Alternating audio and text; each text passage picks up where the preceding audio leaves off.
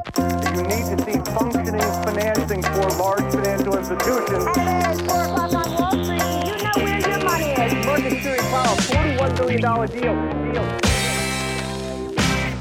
Då är det dags för ytterligare en bonusepisod och det har blivit dags att prata Ryssland. Många marknader i öst har ju fått en riktigt bra start det här året, inte minst Ryssland och därför kommer vi ju att viga det här avsnittet till just Ryssland och jag har med mig Fredrik Colliander som förvaltar Carnegie Rysslandsfond. Varmt välkommen till podden. Tackar, tackar.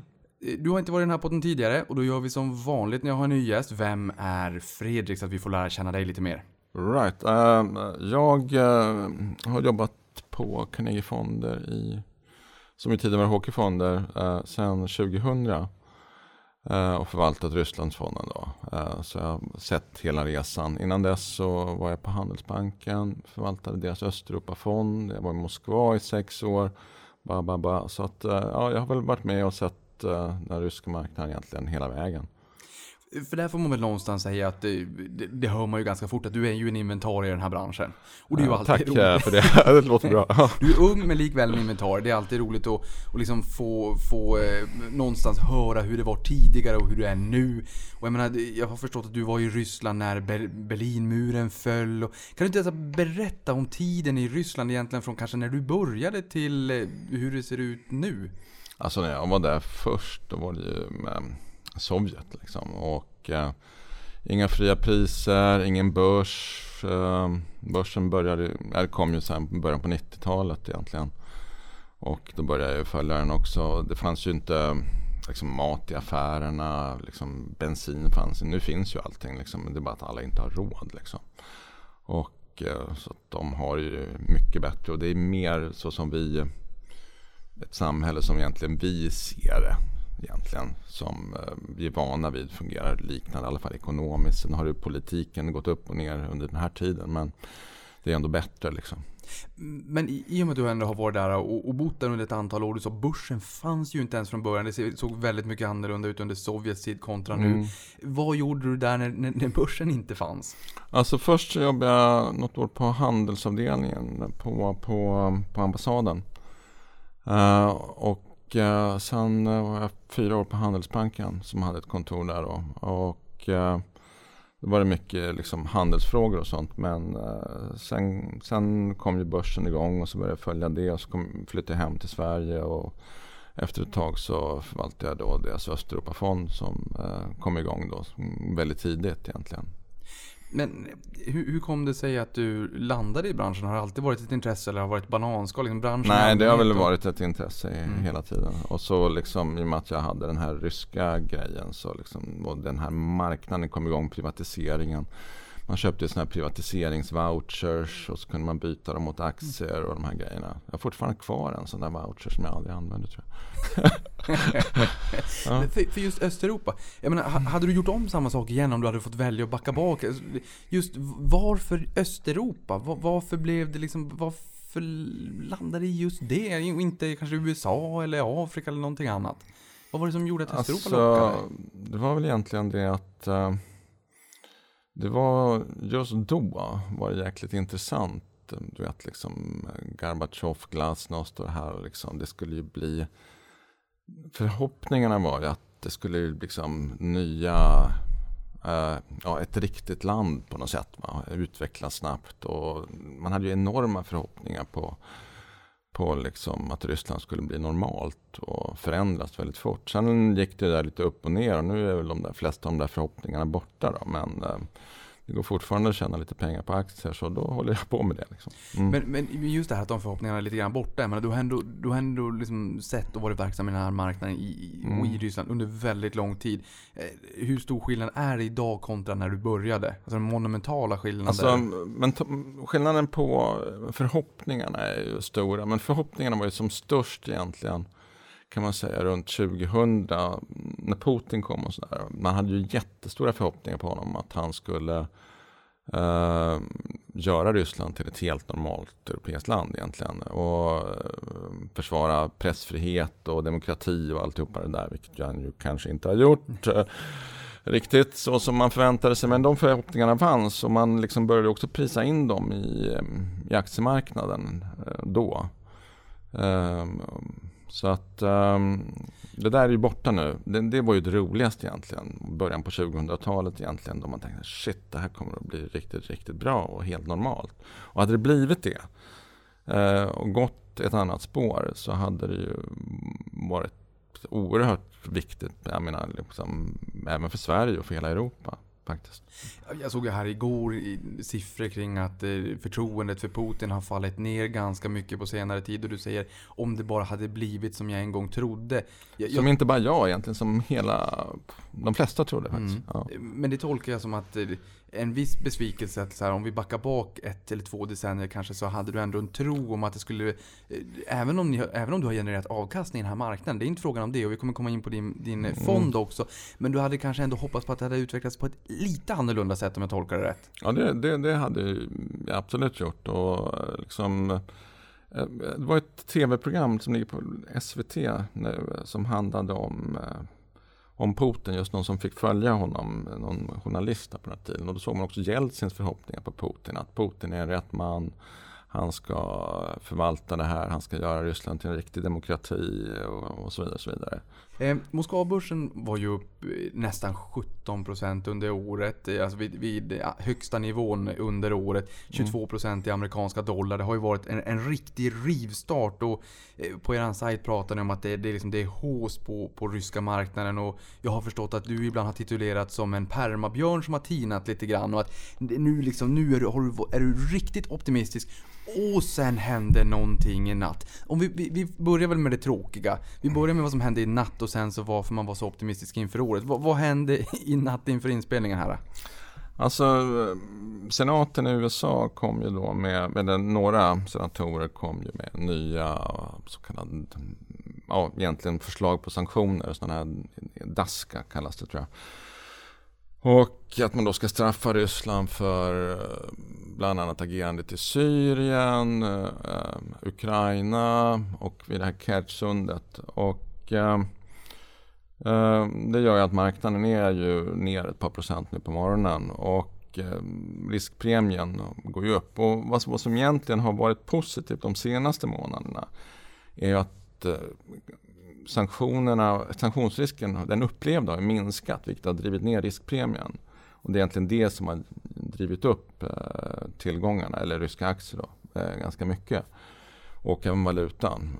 Därför att riskpremien har gått ner. Och nu ser man att riskpremien börjar krypa tillbaka igen då med det här. Nu kommer det här, är det här inte konkreta sanktioner som kommer nu utan det men det innebär att man inleder nya processer eh, som kan leda till nya sanktioner. Så de närmsta veckorna kommer vi att diskutera sanktioner, riskerna kommer att gå upp och så vidare. Och, och, och Eh, sen får man ju se vad som kommer ut ur det här. Eh, men, men eh, det gör ju att, att sanktionsagendan är, ju, är tillbaka.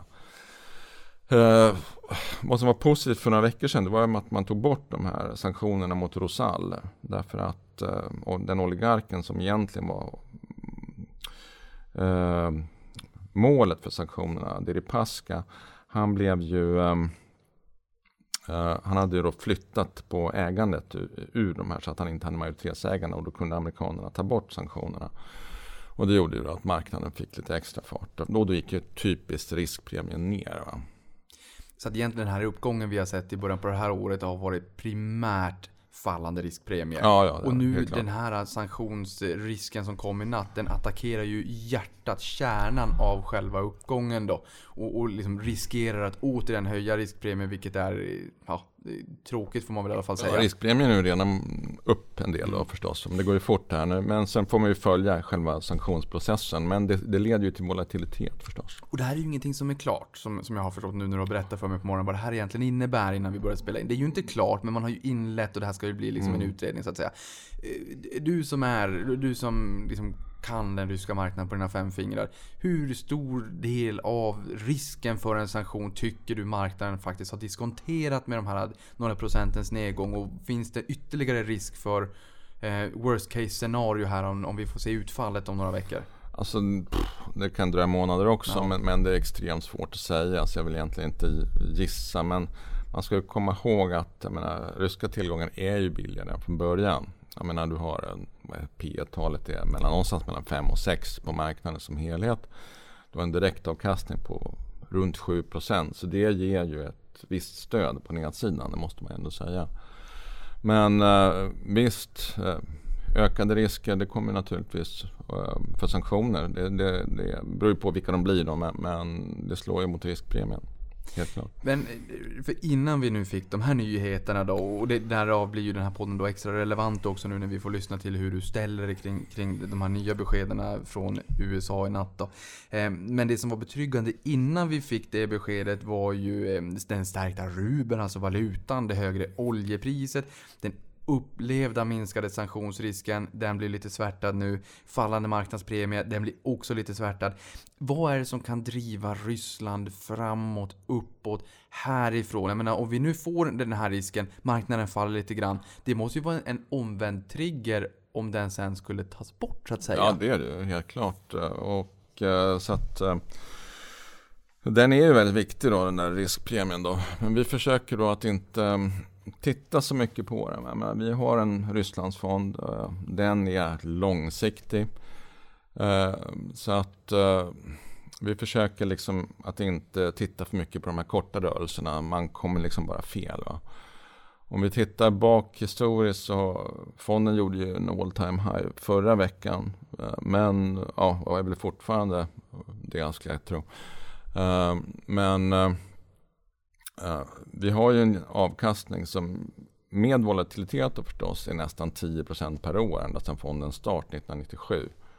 Så att vi, vi har ju en långsiktig bra avkastning och det, jag menar liksom med den här höga direktavkastningen, lite tillväxt eh, så är det ju liksom en rätt bra långsiktig investering också. Mm. Ja, det är ju så. Jo, det har jag ju förstått här liksom lite skämtsamt då. Att, man, att du lite grann kanske räknas som permabjörn då. Att du tinade upp lite grann inför det här året och tyckte att oh, nu känns det bra. Det är nästan liksom så bra som det har gjort under mina 19 år som förvaltare. Ja, det skulle jag inte säga. Men, men alltså, rent fundamentalt så är det helt okej. Okay, liksom. Mm. Jag menar, om du ser på hur världen ser ut i övrigt. Jag menar, Ryssland har en budgetöverskott. De har betalningsbalansöverskott. Jag menar vilket land har det liksom? Kom igen. ja. eh, tillväxten är väl inte lysande men det är ändå kanske 2 Ja, eh, helt okej. Okay. Eh, oljepriserna känns ganska safe ändå. Eh, så att det är lite, vad är ju liksom lite business as usual och så med en direktavkastning på 7% och ett P tal på 5 lite drygt. Jag menar, okej, okay, det, det är rätt bra. Men, men, vad skulle få dig att bli ändå lite mer optimistisk? För nu var det liksom bra start på året, nu är det här i natt. Men, men finns det någonting annat du håller eller kastat getöga alltså, på? Jämfört med, förr, med de flesta andra marknader så var ju förra året också rätt bra faktiskt. Eh, det måste man ändå säga och det har varit bra egentligen i några år faktiskt. Eh, så att eh, men, men alltså vi, vi fokar inte på den här tradingen att i år kommer det gå upp så och så mycket. Vi har vår portfölj, vi, vi sköter den och vi hoppas, eller vi tror att vi genererar en avkastning på ungefär 10% per år över tiden. Och liksom, det är rätt konkurrenskraftigt. För det man hör när det gäller Ryssland också, det är ju den, den eh, eviga diskussionen kring eh, den låga värderingen. Mm. Eh, och, och, då kan ju ibland kanske den som inte är insatt, kanske mig inkluderat då, känna att jo men är inte det lite grann status quo? Är det inte alltid låg värdering? För nu är det P 5,3, mm. det är 21% under snittet, en direktavkastning på 7%. Mm. Det, det, är ju liksom, det, det, vattnas ju i munnen för en svensk investerare. Ja. Vi ska komma ihåg att svenska börsen bottnade på P8 under finanskrisen. Ja. Eh, men sen är, ju det, sen är det ju Ryssland. Exakt, och det är därför du har den rabatten. Så att då får du egentligen se det så här. Om man, eh, så här kan man ju se det. Om du tänker dig att orsaken till den här stora rabatten är egentligen att Ryssland har ett major problem. Och det är den politiska situationen, och den politiska risken som leder till sanktionsrisker. Och det beror till väldigt stor del på att man inte erkänner egentligen eller accepterar USA som den ledande eh, makten i världen, som egentligen en enda nation. Man led, lider av lite ett sovjetiskt komplex, att man alltid ska liksom göra motsatsen mot vad USA gör. Och de amerikanska kapitalmarknaderna är ju egentligen, eller världens kapitalmarknad är en förlängning av de amerikanska. Och I och med att du har det och USA har världens reservvaluta och bestämmer hur det ska se ut så får du egentligen de här äh, typen av äh, problem. Och äh, egentligen den här rabatten då. Att man, och så hela tiden att man håller på och ställer till besvär. Finns det någon tro i din värld att man liksom kommer att kunna försonas kring de här motsättningarna och kanske lillebrorskomplexet? För det känns ju som att det där är ju inte bara det, det, är ett bra, ekonomiskt det är ett bra ord, lillebrorkomplex. Det är precis det det är frågan om egentligen. Och ett sovjetisk heritage egentligen som gör att man har de här problemen. Skulle man bara acceptera att, eh, att USA liksom var världens ledande nation så då skulle man ha en tillväxt på 5%, kapitalet skulle flöda in, det skulle, börsen skulle vara flera hundra procent högre. Så är det. Finns det någon risk? För jag funderar lite grann här. Ja, men vad, skulle kunna tänk, vad, vad, vad skulle kunna leda till multipel expansion? Alltså finns det risk för förstatligande av bolag? Nej, det tror jag inte, inte. inte den Nej. risken. Nej. det tror jag inte det gör. Utan eh, det är, liksom, det är den politiska risken, det är sanktionsrisken, det är allt, har, är allt som har med det att göra. Det, men, det, men sanktionsrisken är också, eh, alltså, visst den är intern, men den är ju också en, en inter, extern risk att den kommer externt ifrån USA exempelvis. Ja. Men, men alltså, för det här är rätt intressant. Du menar på att exempelvis då förstatligande och att man det, liksom, det inte riktigt går att prisa in den politiska risken till fullo eller nyckfullheten. Den är inte riktigt så stor den risken som man kanske Ja, Jag tror inte den, den ser jag inte liksom. Den här eh, förstatligande eller att Ruben inte skulle bli konvertibel eller någonting sånt. Utan det är mer att man får eh, problem på grund av relationen med väst egentligen. Och den har man ju sig själv att skylla för att man inte accepterar de liksom, globala spelreglerna egentligen. Och eh, jag antar att det kommer att ta lite tid innan man gör det. Men man måste komma ihåg att Ryssland kommer ju ur en väldigt svag position om man nu ska konkurrera med USA om, om liksom världens inflytande i världen. Jag tror att eh, Rysslands BNP är väl under 10% av USAs. Det är ungefär lika stort som staden New Yorks. Det är svårt att konkurrera när man har liksom den lilla ekonomin som man ändå har. Även om man har liksom ett stort, eh, ja, eh, en stor ambition. Just den här tillbakarullningen av, av de här sanktionerna då, som, som fick fart på börsen och sen så nu det här som kom i morse. Eh, hur, hur står de sig mot varandra? Jag menar att, eh, hur, hur, hur tolkar man signalvärdet och den positiva effekten av tillbakarullningarna kontra risken nu för det här nya som kommer? Tar de helt ut varandra eller hur? Nej, alltså jag tror att den här tillbakarullningen vi såg för någon månad sedan då man tog bort eh, sanktionerna mot Rosal var ju ändå viktigare för den var ju rent konkret och en plus och, och eh, så. Så att eh, det var egentligen viktigare och det var ju något som verkligen påverkade några bolag direkt. Va? Sen får vi se vad det här leder till, de här nya sanktionerna då, och eh, hur, hur man kommer att hantera det. Men, men liksom, sanktionerna är ju, det är verkligen problematiskt. Det är det. Eh, på tal om eh, sanktioner, jag menar, vi har ju sett tidigare sanktioner, vissa har ganska många år på nacken. Eh, vissa kanske kommer ihåg just det här när man gick in och annekterade Krim. Eh, och, och det påverkade eh, Carlsberg negativt i Danmark, alltså öl som då exporterar till Ryssland. Finska däck med Nokian Tires, eh, norska laxbolag. Jag var på en investerarresa till Island 2014, de sa att det kommer, det, ko- det kommer lax från Norge som packas om på Island och inte har något ursprung och sen skickas de till Ryssland. Jag tror att det fanns till och med vitrysk lax som såldes i Ryssland som sa. Och vitrysk, vitrysk parmesanost. Ja, då, då förstår man att det är ompackat. Mm. Hur, hur tolkar man, för den här sanktionen är ju kvar. Jag menar nu när vi De pratar sanktionerna är kvar. Hur Ja, tolkar absolut. man det då? Vad skulle hända om de skulle rullas tillbaka? Finns det någon sannolikhet att de rullas tillbaka? Kan du berätta lite mer så vi förstår sanktionerna Jag tror kring inte att Krim? det finns, eh, alltså de sanktionerna rullas tillbaka om man inte ser någon rejäl politisk förändring i Ryssland egentligen. Och eh, det kanske man gör någon gång, men jag ser inte det på kartan. Och vad som egentligen skulle, du pratade för en stund sedan om vad kan leda till multipel expansion. Ja. Det är ju då politisk förändring.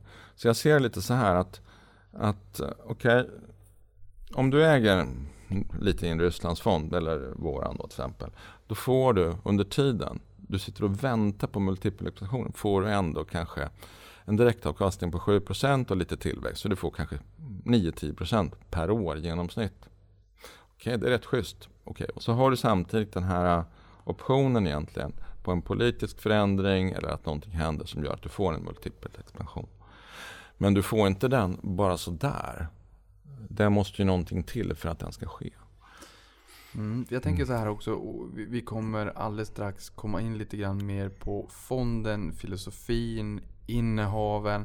Men, men jag menar, det är ju klart. Vi, vi hade i förra året efter sättningen så OMXS30 var uppe och snuddade på 5% i direktavkastning. Bankerna Mm. såklart stöttar. Mm. Här har vi 7% i, i Ryssland. Men då tänker man ju också, jag menar, om Ruben skulle svaja lite mer, om den skulle bli lite mer volatil så kan ju Mm. 7% elimineras ganska snabbt. Hur, hur hedgar du valutan alls? Nej, vi hedgar inte valutan alls. Tycker du att det är en risk? Eller är det bara vi, jag som tycker att... Nej, jag tycker inte valutan är någon risk alls. Eh, det är det inte. Jag menar, här sitter man med kronan. Snacka om volatilitet.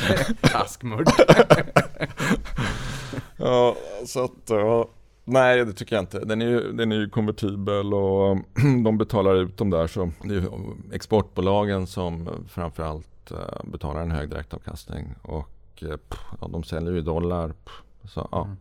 Hur, hur stor del av Ruben styrs av, alltså förutom Riksbank och så, men hur, mycket styrs av oljepriset? Mindre och mindre eh, faktiskt. Nu är det mer styrs av risk och det, det beror på att centralbanken eh, har ändrat sitt agerande egentligen. Eh, så att eh, mindre och mindre. Mm. Nu, nu efter nattens nyheter, finns det, för, för en fråga som jag hade var om liksom, vad kan förstöra festen?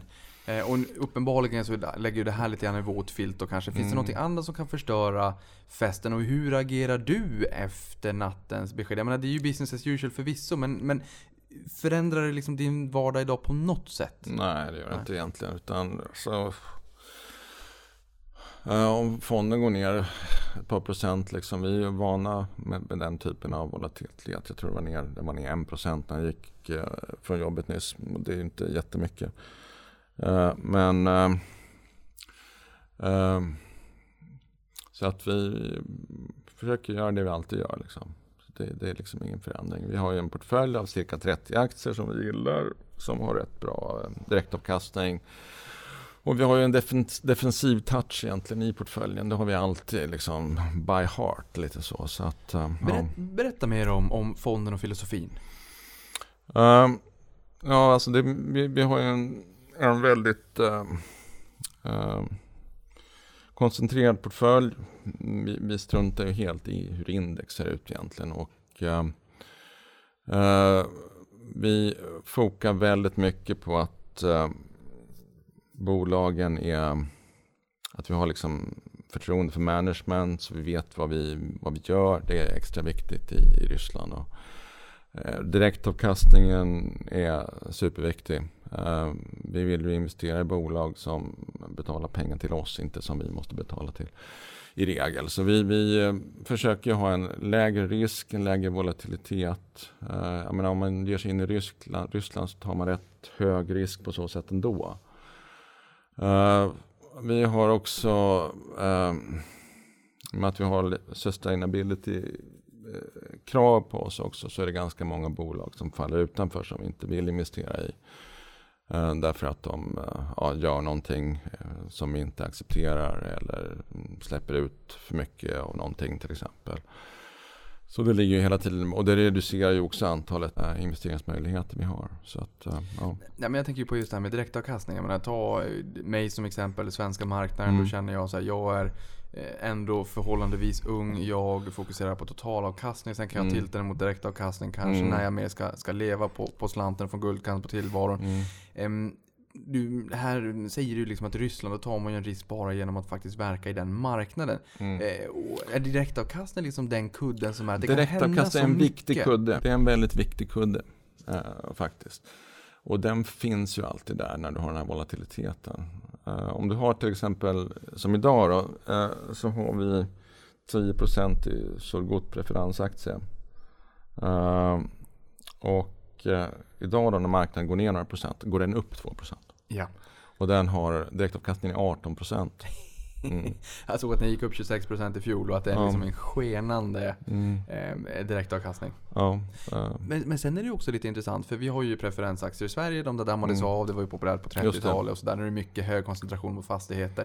mm, Eh, vi kommer komma in lite grann också på just cykeln som, som Ryssland befinner sig i. mm. Eller vet du vad, vi kommer in på det nu. Vi får hoppa runt lite grann mellan Okej, frågorna. Det här är så absolut. trevligt ändå.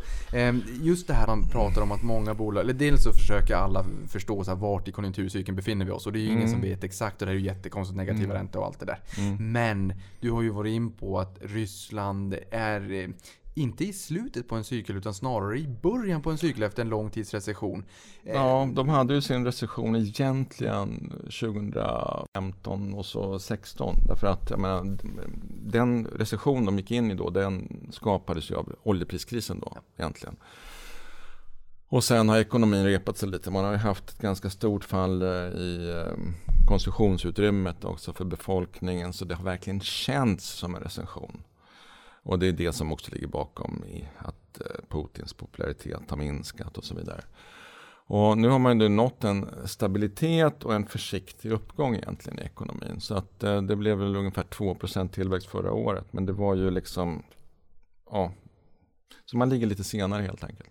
Ja, för jag tänker Mm. förutom en riskpremie nu som kanske då tickar upp lite grann. Men om, vi också ser att räntan kanske för den har ju ändå liksom lite grann tickat ner. Och Mm. det där är väl bra både för aktiemarknaden men även för, för preffar också. Det är ju det man oroar sig för kanske i Sverige då. Tänk om räntan stiger, inflationen stiger och sådär. Ja. Men här är uppenbarligen 18% på en, en preferensaktie och är räntan fortsatt på väg ner? Alltså vi såg ju förra året i samband med sanktionerna, alltså då var vi inne i en väldigt konsekvent eh, nedåtgående trend på räntan. Eh, och men eh, centralbanken höjde räntan en gång ehm, till, jag kommer inte ihåg, 7,5 procent eller vad det är. Och inflationen låg då på runt 3 kanske.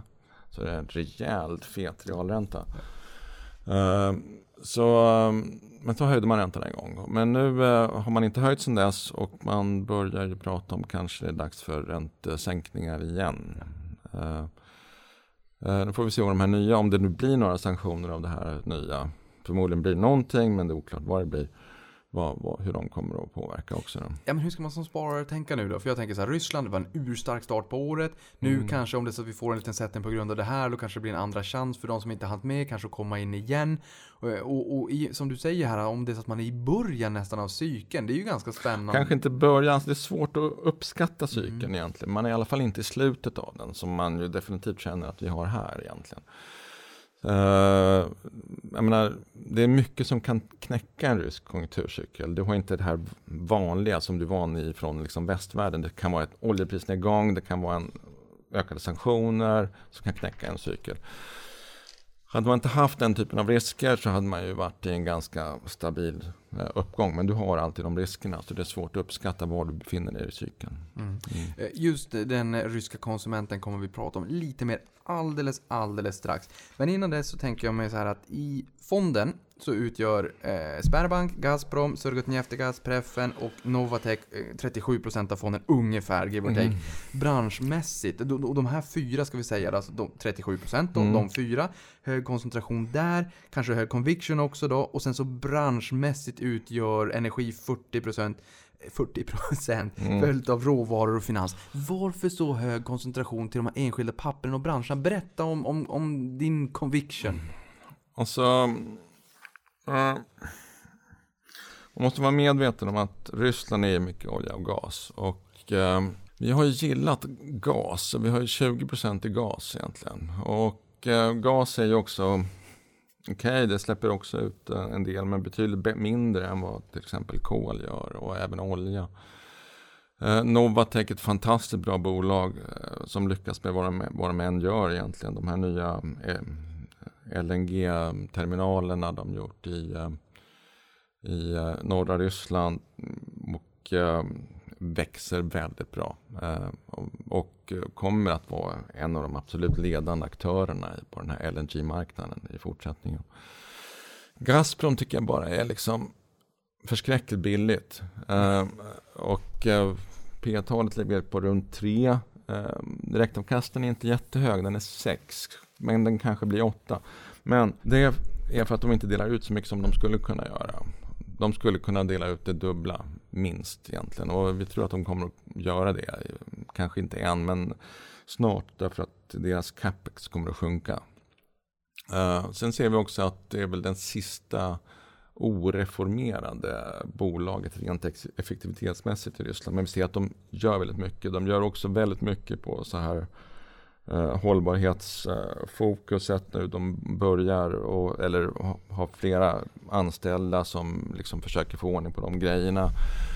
Och eh, de känns som de gör rätt grejer helt enkelt. Eh, så vi, vi gillar de där gaskonceptet. Sen gillar vi Surgot framförallt därför att vi får den här fantastiska direktavkastningen. Ehm, sen har vi lite mer i olja också. Vi har Gazprom Neft som också är väldigt proaktivt bolag vad gäller eh, det mesta egentligen. De kan generera tillväxt, de kan hålla eh, hållbarhetsgrejer och hela den balletten som de liksom presenterar och tar det ena steget efter det andra. Till skillnad från många andra bolag. Ja, men just det här med hållbarhet då, för det är ju ändå liksom det, det är ju på, på temat på mycket på senare tid.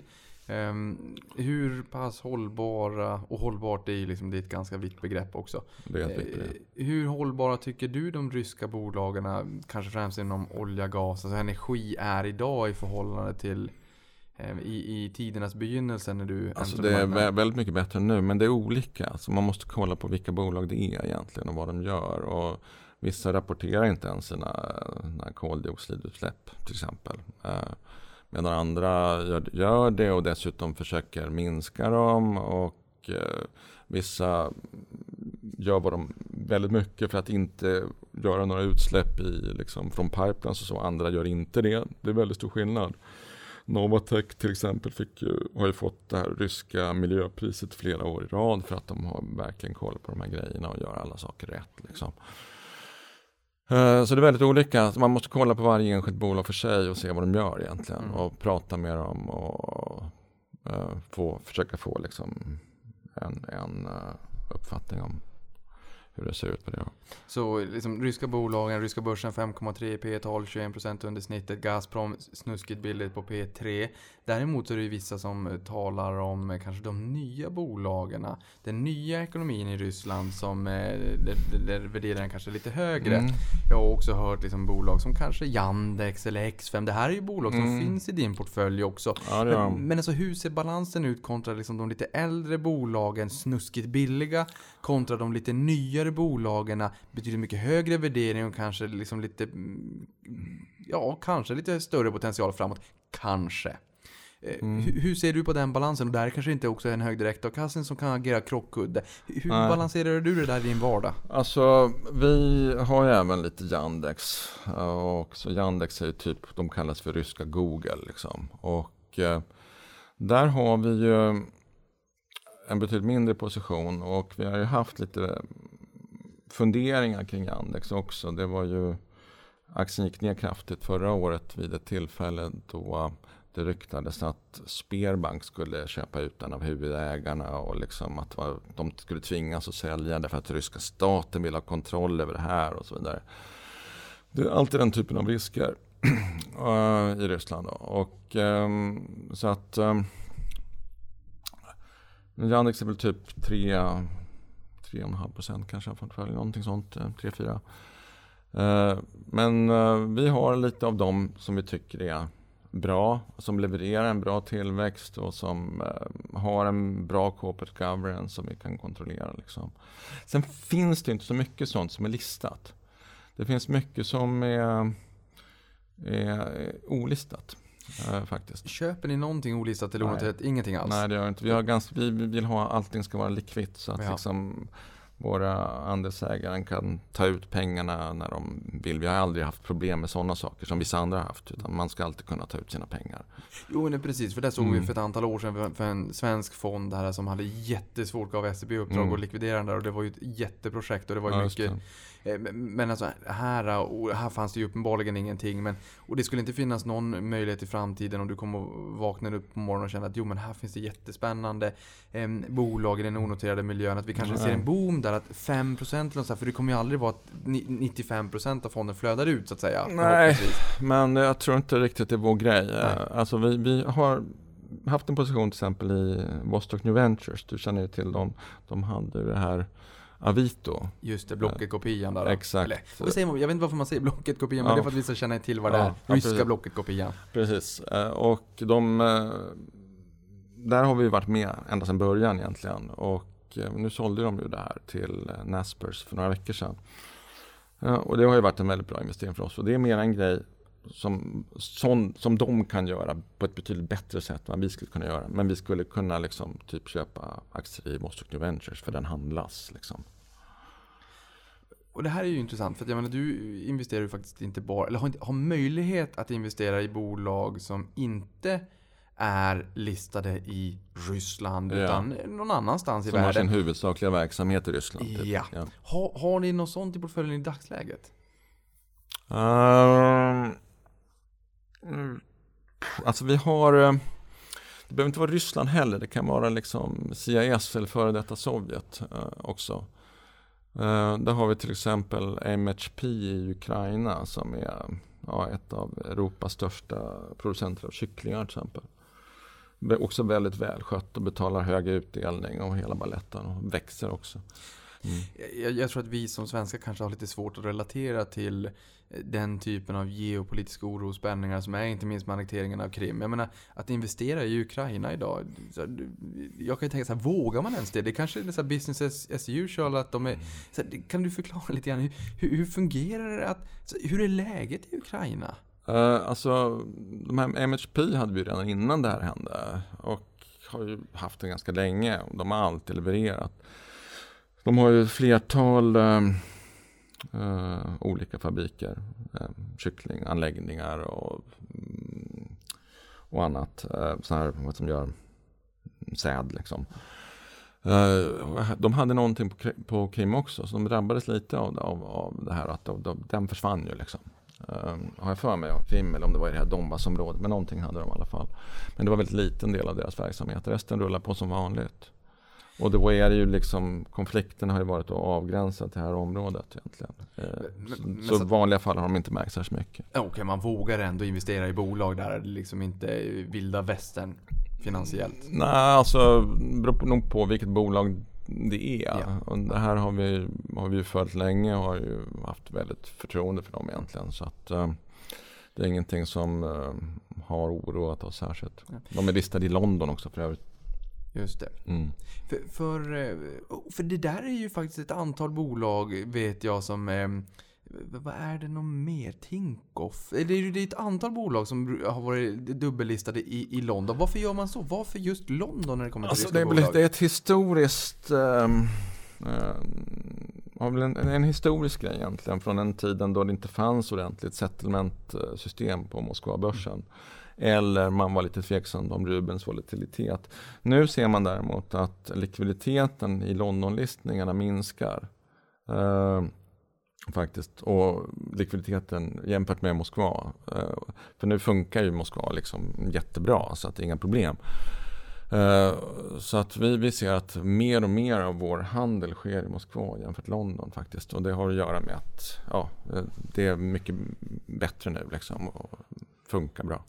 I fjol, i slutet, i slutet av året, förra året, så var jag i Hongkong bland annat på en investerarresa på Hongkongbörsen. Och där sa de att vi märker inte alls av volatiliteten just nu. Det är tokrusning till IPO-kön. Eh, Och det Mm. är väldigt många bolag som vill in på börsen och väldigt många som upptäcker eh, den Hongkongbörsen som en proxy mot den kinesiska marknaden. De är börsnoterade. Ehm, hur ser det ut i Ryssland? Jag menar, du, du, så här, åh, det finns inte så många bolag att välja på hit och dit. Det är klart att det finns många bolag i Ryssland, men hur, hur ser flödet av nya bolag ut? Alltså, det finns ett väldigt, väldigt stort flöde som inte kommer till marknaden. Alltså det, skulle värderingarna vara högre, skulle liksom efterfrågan på nya bolag vara högre, så skulle det komma väldigt många.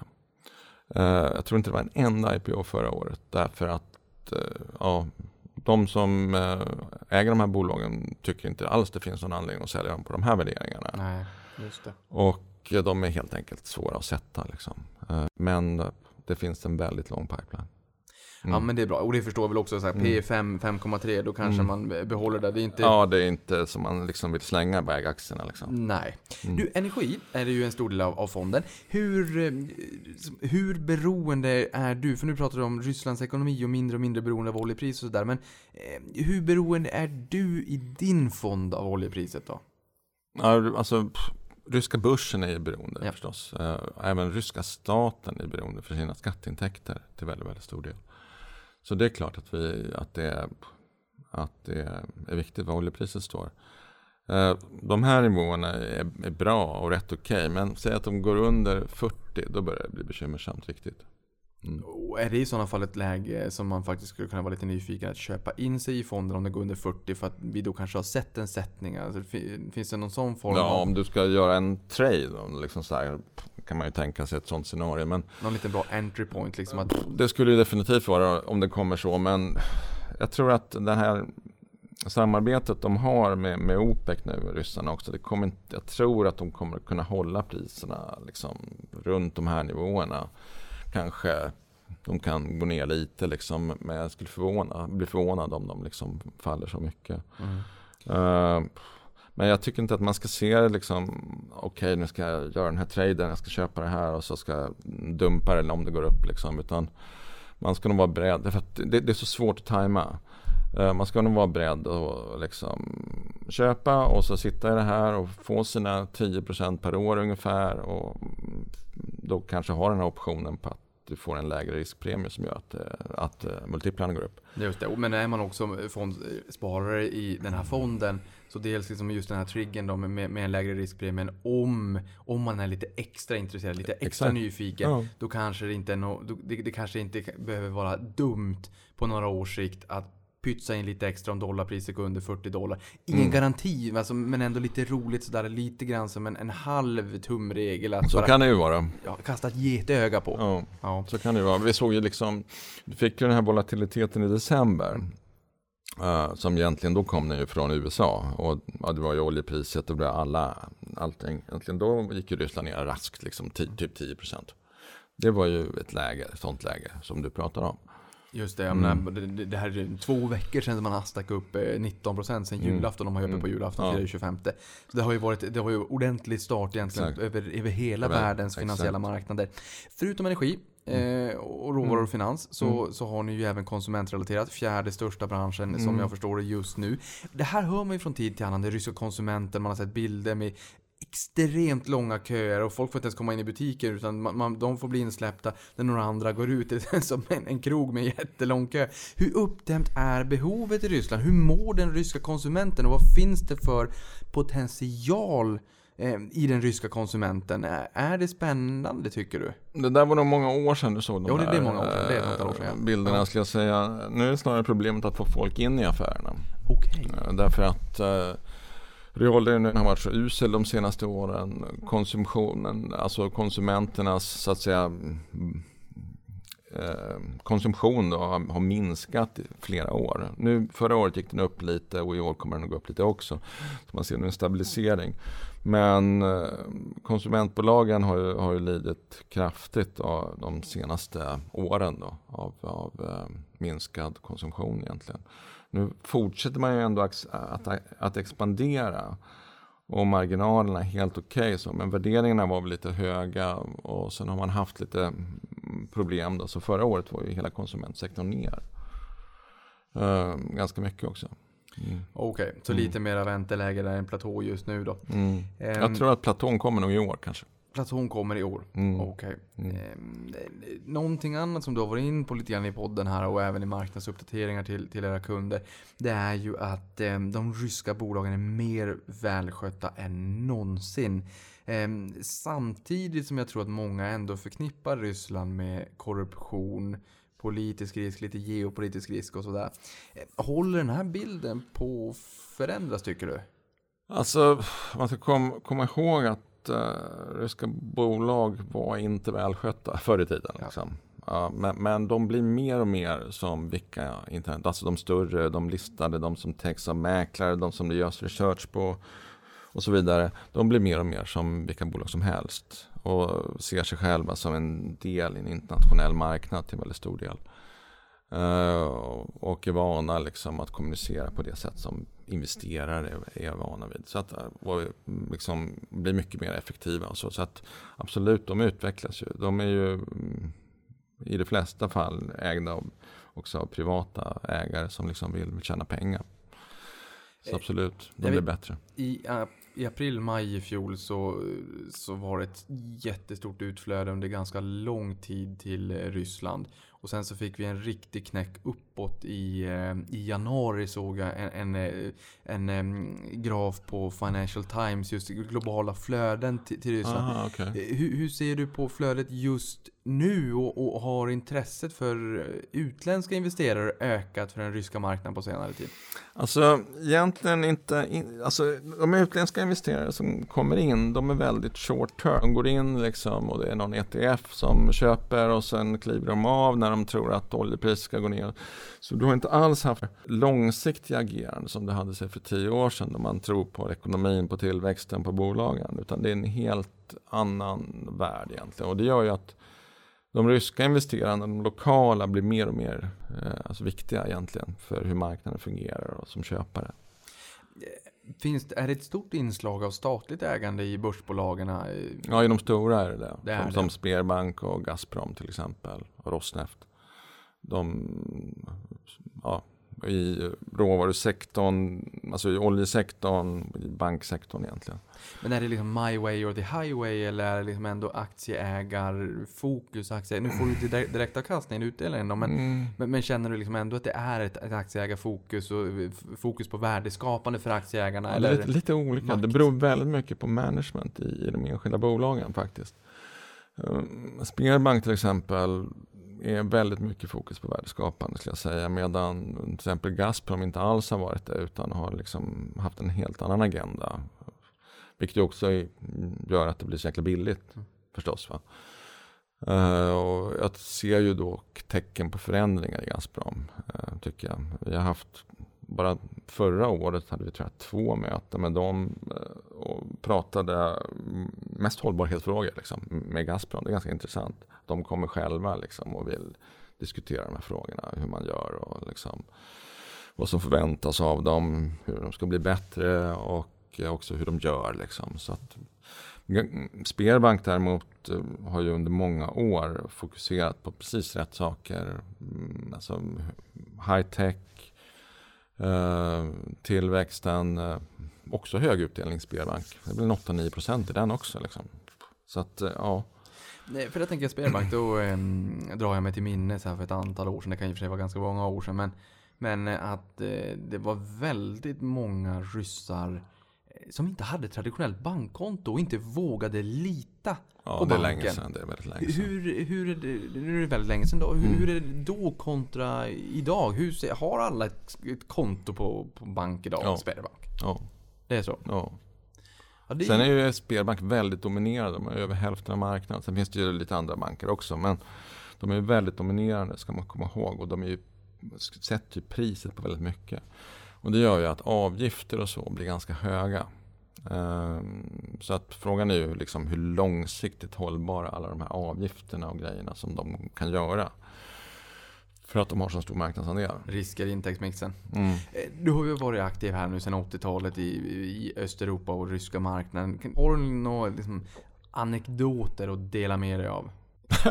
Ja, men jag kan börja, för en som jag har hört det är ju Mats Gabrielsson hette han var på Draknästet. Där han berättade om, eh, jag vet inte vad, exakt vart jag hörde det här men, men att han, jo det vet jag visst det. Han var med på en aktieträff med Unga Aktiesparare för ett antal år sedan. Och då berättade han om Malka Oil.